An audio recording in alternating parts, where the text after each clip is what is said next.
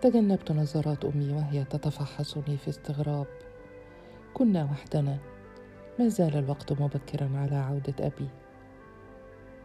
كنا أشبه بامرأتين وحيدتين.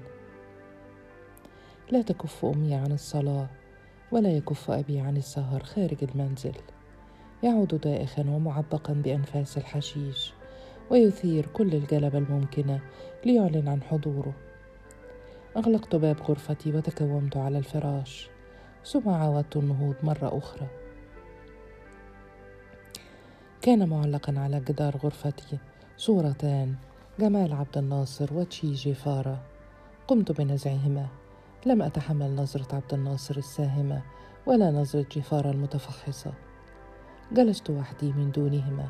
أفكر في هذا الرجل الذي التهم جسدي. لم يكن الأمر رغما عني بالتأكيد. لم أدري ما سر ضعفي أمامه. لماذا يحتاجه جسدي إلى هذا الحد؟ كيف أغواني بهذه البساطة؟ لمجرد أنه قادني إلى مكان مظلم في المرة الأولى وأخضع جسدي في المرة الثانية. هل تكون هذه مرتي الأولى معه والأخيرة؟ لم أكن آسفة على عذريتي. كنت أضيق بها وبالفكرة الكامنة وراءها. ولكني كنت مستغربة من نفسي. كيف مزجت بين المبدأ الذي أتظاهر من أجله وبين رغباتي الجنسية؟ أين كانت هذه الرغبة كامنة بهذا العنفوان حتى جاء هذا الرجل وأيقظها؟ سمعت طرقات خافتة على الباب. قبل أن أرد فتح الباب ورأيت أمي وهي تتسلل داخله وعلى وجهها ابتسامة خجلة. جلست أمامي حدقت في وجهي وكأنها تبحث عن ابنتها. قالت ماذا بك؟ تبدين مختلفة عن كل يوم. قلت هل يبدو ذلك واضحا إلى هذه الدرجة؟ تحسست رأسي. حاولت أن أكون مرحة. فقلت كل ما في الأمر أنني شاركت في مظاهرة وتلقيت ضربة على رأسي. أحنيت رأسي أمامها. أزالت مفرق شعري وتحسست الورم برقة بحيث لا تؤلمني. وقالت لم يكن عليك فعل ذلك. سيجعلني هذا ازداد قلقا عليك. لم أكن أريدها أن تعرف مكان الجرح الآخر. قلت لها فجأة. لماذا يبدو أبي وكأنه ليس موجودا في حياتنا؟ لماذا يبدو وكأنه يتحدث لغة مختلفة عني وعنك. بهتت أمي من سؤالي المباغت تركت مفرق شعري وجلست على المقعد أمامي وقالت إنه دائم الانشغال ودائم السفر ودائم السهر. إنه دائم في كل شيء إلا في حضوره الحي بيننا. لماذا فعلت بها هذا؟ ربما كانت رغبة خفية مني في الهرب من أسئلتها ومن محاصرتها. بادرت أنا بفرض حصاري عليها. نهضت في تثاقل. تركت الغرفة. وخيم على المنزل الهدوء. أطفأت النور وحاولت النوم ولكن جسدي ظل صاحيا ورغباتي مشرئبة لم أذهب إلى الكلية على مدى ثلاثة أيام. كان يجب أن أنتظر حتى يخف الورم الذي في رأسي. وتعجبت أمي من أنني أستحم في اليوم أكثر من مرة. كانت هناك آثار من الدم تحت أظافري ترفض الخروج. لبست بيجامتي المرسوم عليها عديد من الدببة الصغيرة وعقصت شعري. رصصت الدمى التي كنت ما زلت أحتفظ بها على حافة الفراش. حاولت أن أستغرق في المذاكرة. لم يحدث شيء. ما زالت الفتاة نفسها الطالبة في كلية الهندسة. ما زال المستقبل ممتدا أمامها. أخذت أذاكر حتى أستعيد ثقتي بنفسي. وقدمت لي أمي في صمت سندوتشات الجبن والطماطم التي أحبها. سادت البيت حالة من الصفاء وهدأ جسدي قليلا. خف الألم في منتصف جسدي وزالت آثار الدم من تحت أصابعي. بالطبع كان يجب أن أعود إلى الكلية. اخترت يوما لا توجد فيه محاضرة له. قضيت يوما عاديا. استمعت إلى محاضرة وشاهدت جانبا من ندوة وتضاحكت مع الزميلات وتلقيت بعض المغازلات. جلست في الكافيتيريا وشربت كوبا من الليمون بالنعناع ثم انصرفت في نهاية اليوم ولكن كان في انتظاري جالسا في عربته السوداء أمام السور الخارجي للكلية. تسمرت في مكاني وأنا أراه خلف عجلة القيادة. لا أدري منذ متى وهو يجلس هكذا. من المؤكد أنه كان في انتظاري. كان جسدي كله يغلي والعروق التي في قلبي تنبض في توهج. اقتربت منه ببطء من دون أن يتحرك من مكانه. فتح لي باب السيارة المقابل. أحنيت رأسي وركبت بجواره. مد يده وأخذ الحقيبه من بين ذراعي ووضعها على المقعد الخلفي. وضع يده على ركبتي. لف عليها أصابعه كأنه قد امتلكني. قال بصوت خافت لقد انتظرتك طوال هذه الأيام. انطلقت بنا السيارة في هذا الوقت من الأيام انطلقت بنا السيارة في هذا الوقت من الأيام العادية. تكون الشوارع مزدحمة ولكنها لم تكن كذلك وتكون كل الإشارات حمراء ولكنها لم تكن كذلك. كان ينظر إلى الأمام يقود السيارة بيد واحدة ويده الأخرى قابضة على ركبتي. أحسست بجسدي كله حارا والسيارة تعبر الجسور المقامة على النيل وتمرق من شوارع ضيقة مليئة بالمباني العالية. دخل بي في سرداب مظلم تحت واحدة منها. ركن السيارة بجانب أحد الأعمدة الخرسانية. ظللت جالسة في مكاني ولكنه هبط من مكانه. وأغلق باب السيارة ودار حولها. ثم مد ذراعه وأخذ يدي. كان السرداب مظلما ورطبا ومثيرا للارتعاد. حملنا مصعد صغير إلى الأعلى ونحن صامتان. دخل إلى الشقه كان البهو الأمامي صغيرا ولكنه أنيق. تبدو الشقه جديدة. لم تدهسها قدم دفعني برفق وهو يقول سيكون هذا مكاننا الخاص. عشنا لن يعرف به أحد. ويجب الا يعرف به أحد. كانت الشقة تطل مباشرة على النيل. تنساب صفحته اللامعة من تحتنا ذاهبة في رحلة طويلة. تأملت المشهد. كان هناك صفاء. وسكون خلاف كل ما يعتمل بداخلي. قارب سابح فيه صياد وحيد. سرب من الطيور يحوم في دوائر وصفوف من النخيل على الضفة الأخرى من النهر. وقف خلفي مد يديه وقبض على صدري جذبني إليه وكأنني لا أستطيع الوقوف على هذا الارتفاع من دون معاونته.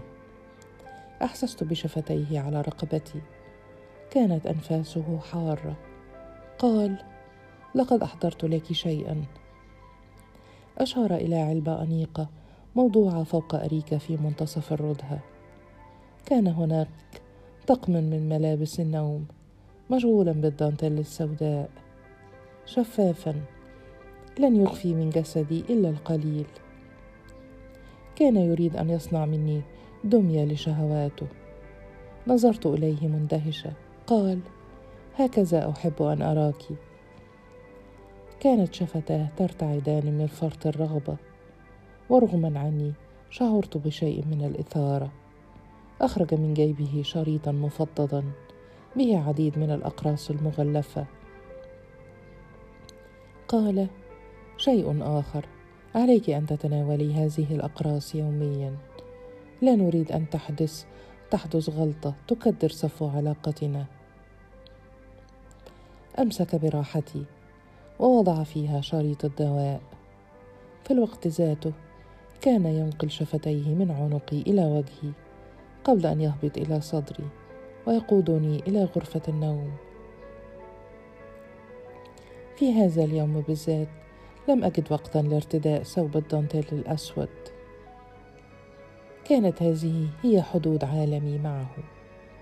بعد أن ينتهي من الكلية وقبل أن يذهب إلى مكتبه الفاخر في وسط البلد وقبل أن أعود إلى أمي في المنزل وأقول لها إنه كانت عندي محاضرة زائدة أو أنني قضيت الوقت كله أذاكر في المكتبة.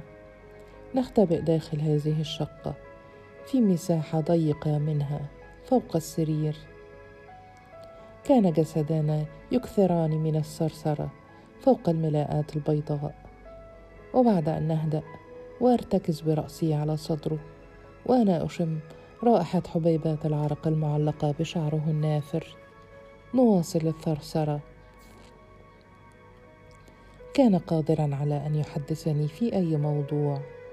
العمارة الجنس الثورة. وكنت أستمع إليه بالشغف نفسه. كأنه يواصل ممارسة الحب معي. يقتحم مخي كما اقتحم جسدي ويصل به إلى الدرجة نفسها من النشوة. لا أذكر أن أحدا تحدث معي بكل هذا القدر من الكلمات.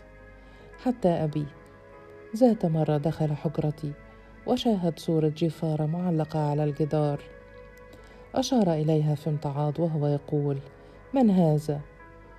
وقبل أن أجيب عليه كان قد تركني وغادر الغرفة. كانت ملاءات السرير تتغير كل مرة وكان هناك طعام طازج في الثلاجة وزجاجات صغيرة من الخمر. لم أرى من يتولى العناية بكل هذه التفاصيل الصغيرة. كان يقوم على خدمتنا أناس مجهولون. لم يجعلني هذا أشعر قط أنها شقتي. كانت فقط شقة جسدي. المكان الذي يصرخ فيه ويتلوى وينتفض ويبلغ ذروته. أعيش حياة مزدوجة. جسدي فيها يسبق عمري. يذهب إلى مدى بعيد. لا تصل إليه زميلاتي. ولكن من يعلم إلى أين وصلنا؟ قدم لي الكثير من الهدايا لكنها لم تعني لي شيئا. احتفظت بها كلها في الشقة في درج بجوار الفراش. لم يكن هناك مكان أستطيع أن أرتديها فيه لا أمام أمي ولا أصحاب الكلية. ولم تكن هناك فرصة لأخرج معه إلى أي مكان في ضوء النهار أو في ظلمة الليل. لم أكن أرتديها حتى وأنا معه حتى لا تعوق حركتنا. كان يمتلكني بأكملي ولم أكن أمتلك إلا نصف رجل ربما أقل من النصف. استيقظت داخلي فجأة رغبة عارمة في الاستحواذ. لم أكن أشعر بالمرأة الأخرى في حياته أو بالأحرى المرأة التي تمتلك بقية حياته إلا للحظات إلا اللحظات التي يقضيها معي. لا أشعر بها إلا عندما يختفي عن عيني لبضعة أيام ولا يرد على اتصالاتي. وعندما أصل إلى حافة الجنون يظهر فجأة ويقول بلا مبالاة إن زوجته كانت مريضة وكان عليه أن يبقى بجانبها. ببطء شديد أخذ هاجس واحد يسيطر على تفكيري. أريد أن أعرف الجانب الآخر منه. عندما لا يكون في الكلية أو يكون عاريا بجانبي في الفراش. في البداية لم يكن لدينا وقت لذلك ولكني بدأت ألح عليه بالسؤال. كل أسئلتي كانت تلف وتدور رغما عني حول شيء واحد المرأة الأخرى التي يظهر معها في النور التي يحرص كل ليلة على الذهاب إليها ويستيقظ كل يوم ليجدها بجانبه. من هي؟ ماذا تمثل له؟ ما الفرق بين حبه لها ورغبته فيه؟ متى سيضحي بي من أجلها؟ ثم رأيت زوجته. أقصد رأيت صورتها. كان هو في الحمام وكنت أسمع صوت الماء وهو يزيل من على جسده آثار عرقه وعصارة جسدي ورأيت حافظته موضوعة بإهمال فوق منضدة صغيرة. لا أدري ما الذي دفعني إلى أن أقلب في محتوياتها. مجرد فضول أنثوي. رأيت بطاقته الشخصية وعليها اسمه وعنوانه. وللمرة الأولى عرفت عمره الحقيقي. كان أكبر قليلا من ضعف عمري. ولكن حيويته في الفراش لم تكن توحي بذلك. بعدها رأيت صورتها وهي تبتسم له ثم صورة أخرى لابنتها الصغيرة. كان الشبه واضحا. تشبهها أكثر مما تشبهه. أراحني ذلك ولكني عدت أتأمل صورة الزوجة المرأة التي يبقيني في الظلام من أجلها التي تجعل رغبتنا محرمة. كان وجهها مستديرا وهناك غمازة غائرة في ذقنها ولم تكن عيناها واسعتين ولكن جبهتها كانت عريضة لامعة وأنفها كان صغيرا كأنف الأرنب.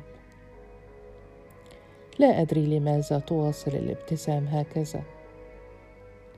سمعت صوت الماء وهو يقف فخبأت الصور وعدت إلى مكاني على السرير وعندما حاول مداعبتي كنت قد فقدت رغبتي فيه تماما.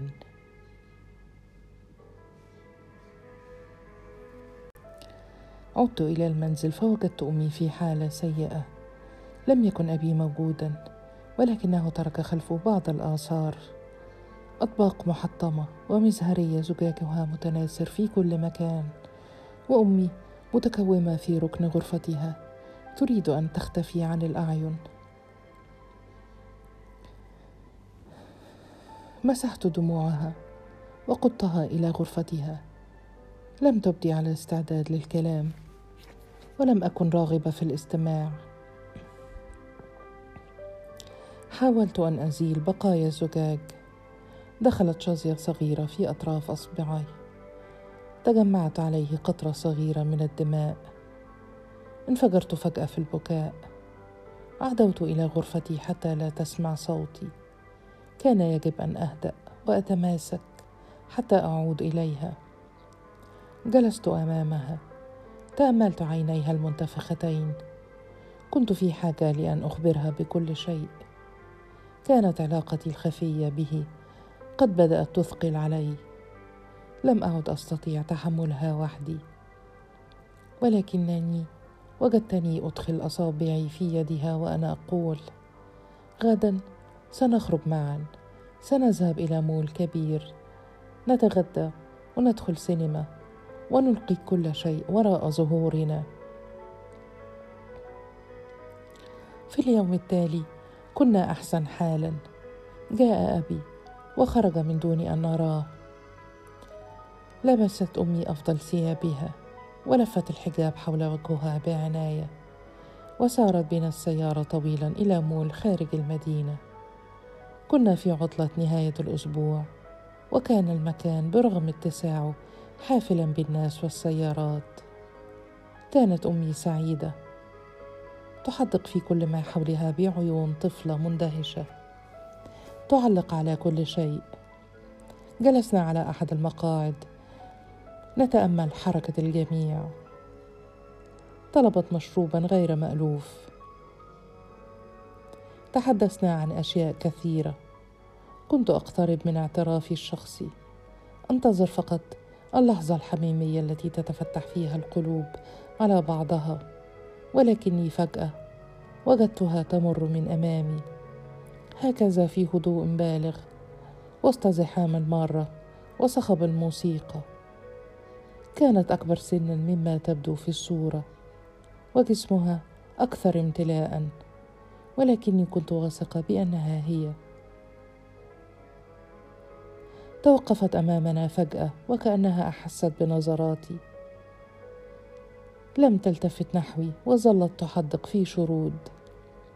من دون أن أدري كنت قد اخترت هذا المول لأنه موجود في الضاحية التي يوجد فيها بيته. كان عنوانه قد التصق بذاكرتي. لم آتي إليه فقط ولكني استدركت أمي معي أيضا.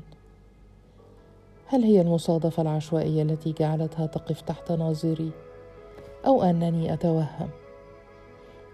بعد لحظات تأكدت أنها هي وعرفت لماذا توقفت. ظهر هو شخصيا. كان يمسك في إحدى يديه فتاة صغيرة. اقترب, اقترب منها. كون ثلاثتهم دائرة. كانا يتحدثون في أمر ما. قريبين من بعضهم وكأنهم كتلة واحدة. لا تسمح بدخول أحد بينهم. وضع يدها على ذراعه. وضعت يدها على ذراعه باسترخاء.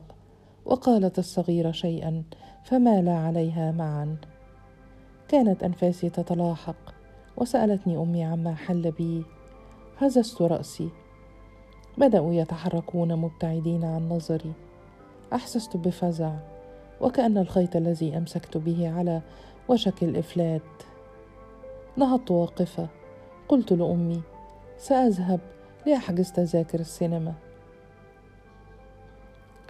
غادرت المقهى مسرعة كانوا يسيرون أمامي معا ولكن ليس بالإيقاع نفسه. تتقدم المرأة أحيانا أو تنشغل بتأمل أحد واجهات العرض. يتوقف هو والطفلة يمسك بيدها ويهزان ذراعيهما في الفراغ. كأنهما يرددان أغنية معا. ظللت خلفهما كشبح. خفي لا يراه أحد. واقفة على حافة العالم الذي يعيشون فيه. واصلوا السير والتسكع. كلما افترقوا قليلا توقفوا حتى يتجمعوا من جديد. كل واحد واثق في أنه سيلتقي بالآخر. هل يمكن لهذه المرأة أن يكون لها عشيق غيره؟ تمنيت ذلك. أن تكون لها نقطة ضعف تبرر كراهيتي وتخفف من إحساسي بالذنب. ظلت تتسكع وسط المحال المتجاورة وهما ينتظران في صبر. كانت تتحكم فيهما تمتلكهما. وأنا أقف في الخلف. صدري ثقيل وأبحث عن نسمه من هواء. لم اخشى أن يلتفت ويراني. كان حريا به أن يشعر بوجودي أنا أيضا لكنه لم يفعل. لم يكن يرى غيرها المرأة التي تسبقه دوما بخطوتين. لا أدري إلى متى سيتواصل الأمر ولكني واصلت تتبعهم. دخلت هي أحد المحال محال تصفيف الشعر. رأيتها من خلف الزجاج تتحدث مع العاملين في المحل. تصافحهن وتتبادل معهن الحديث والابتسامات. يعرفنها جميعا وكأنهم كانوا في انتظارها. اخذ هو الطفله وسار مبتعدا. تخلى عنها أخيرا. رأيته يتجه إلى غرفة ألعاب جانبية. ظللت واقفه وعيني عيناي معلقتان عليها.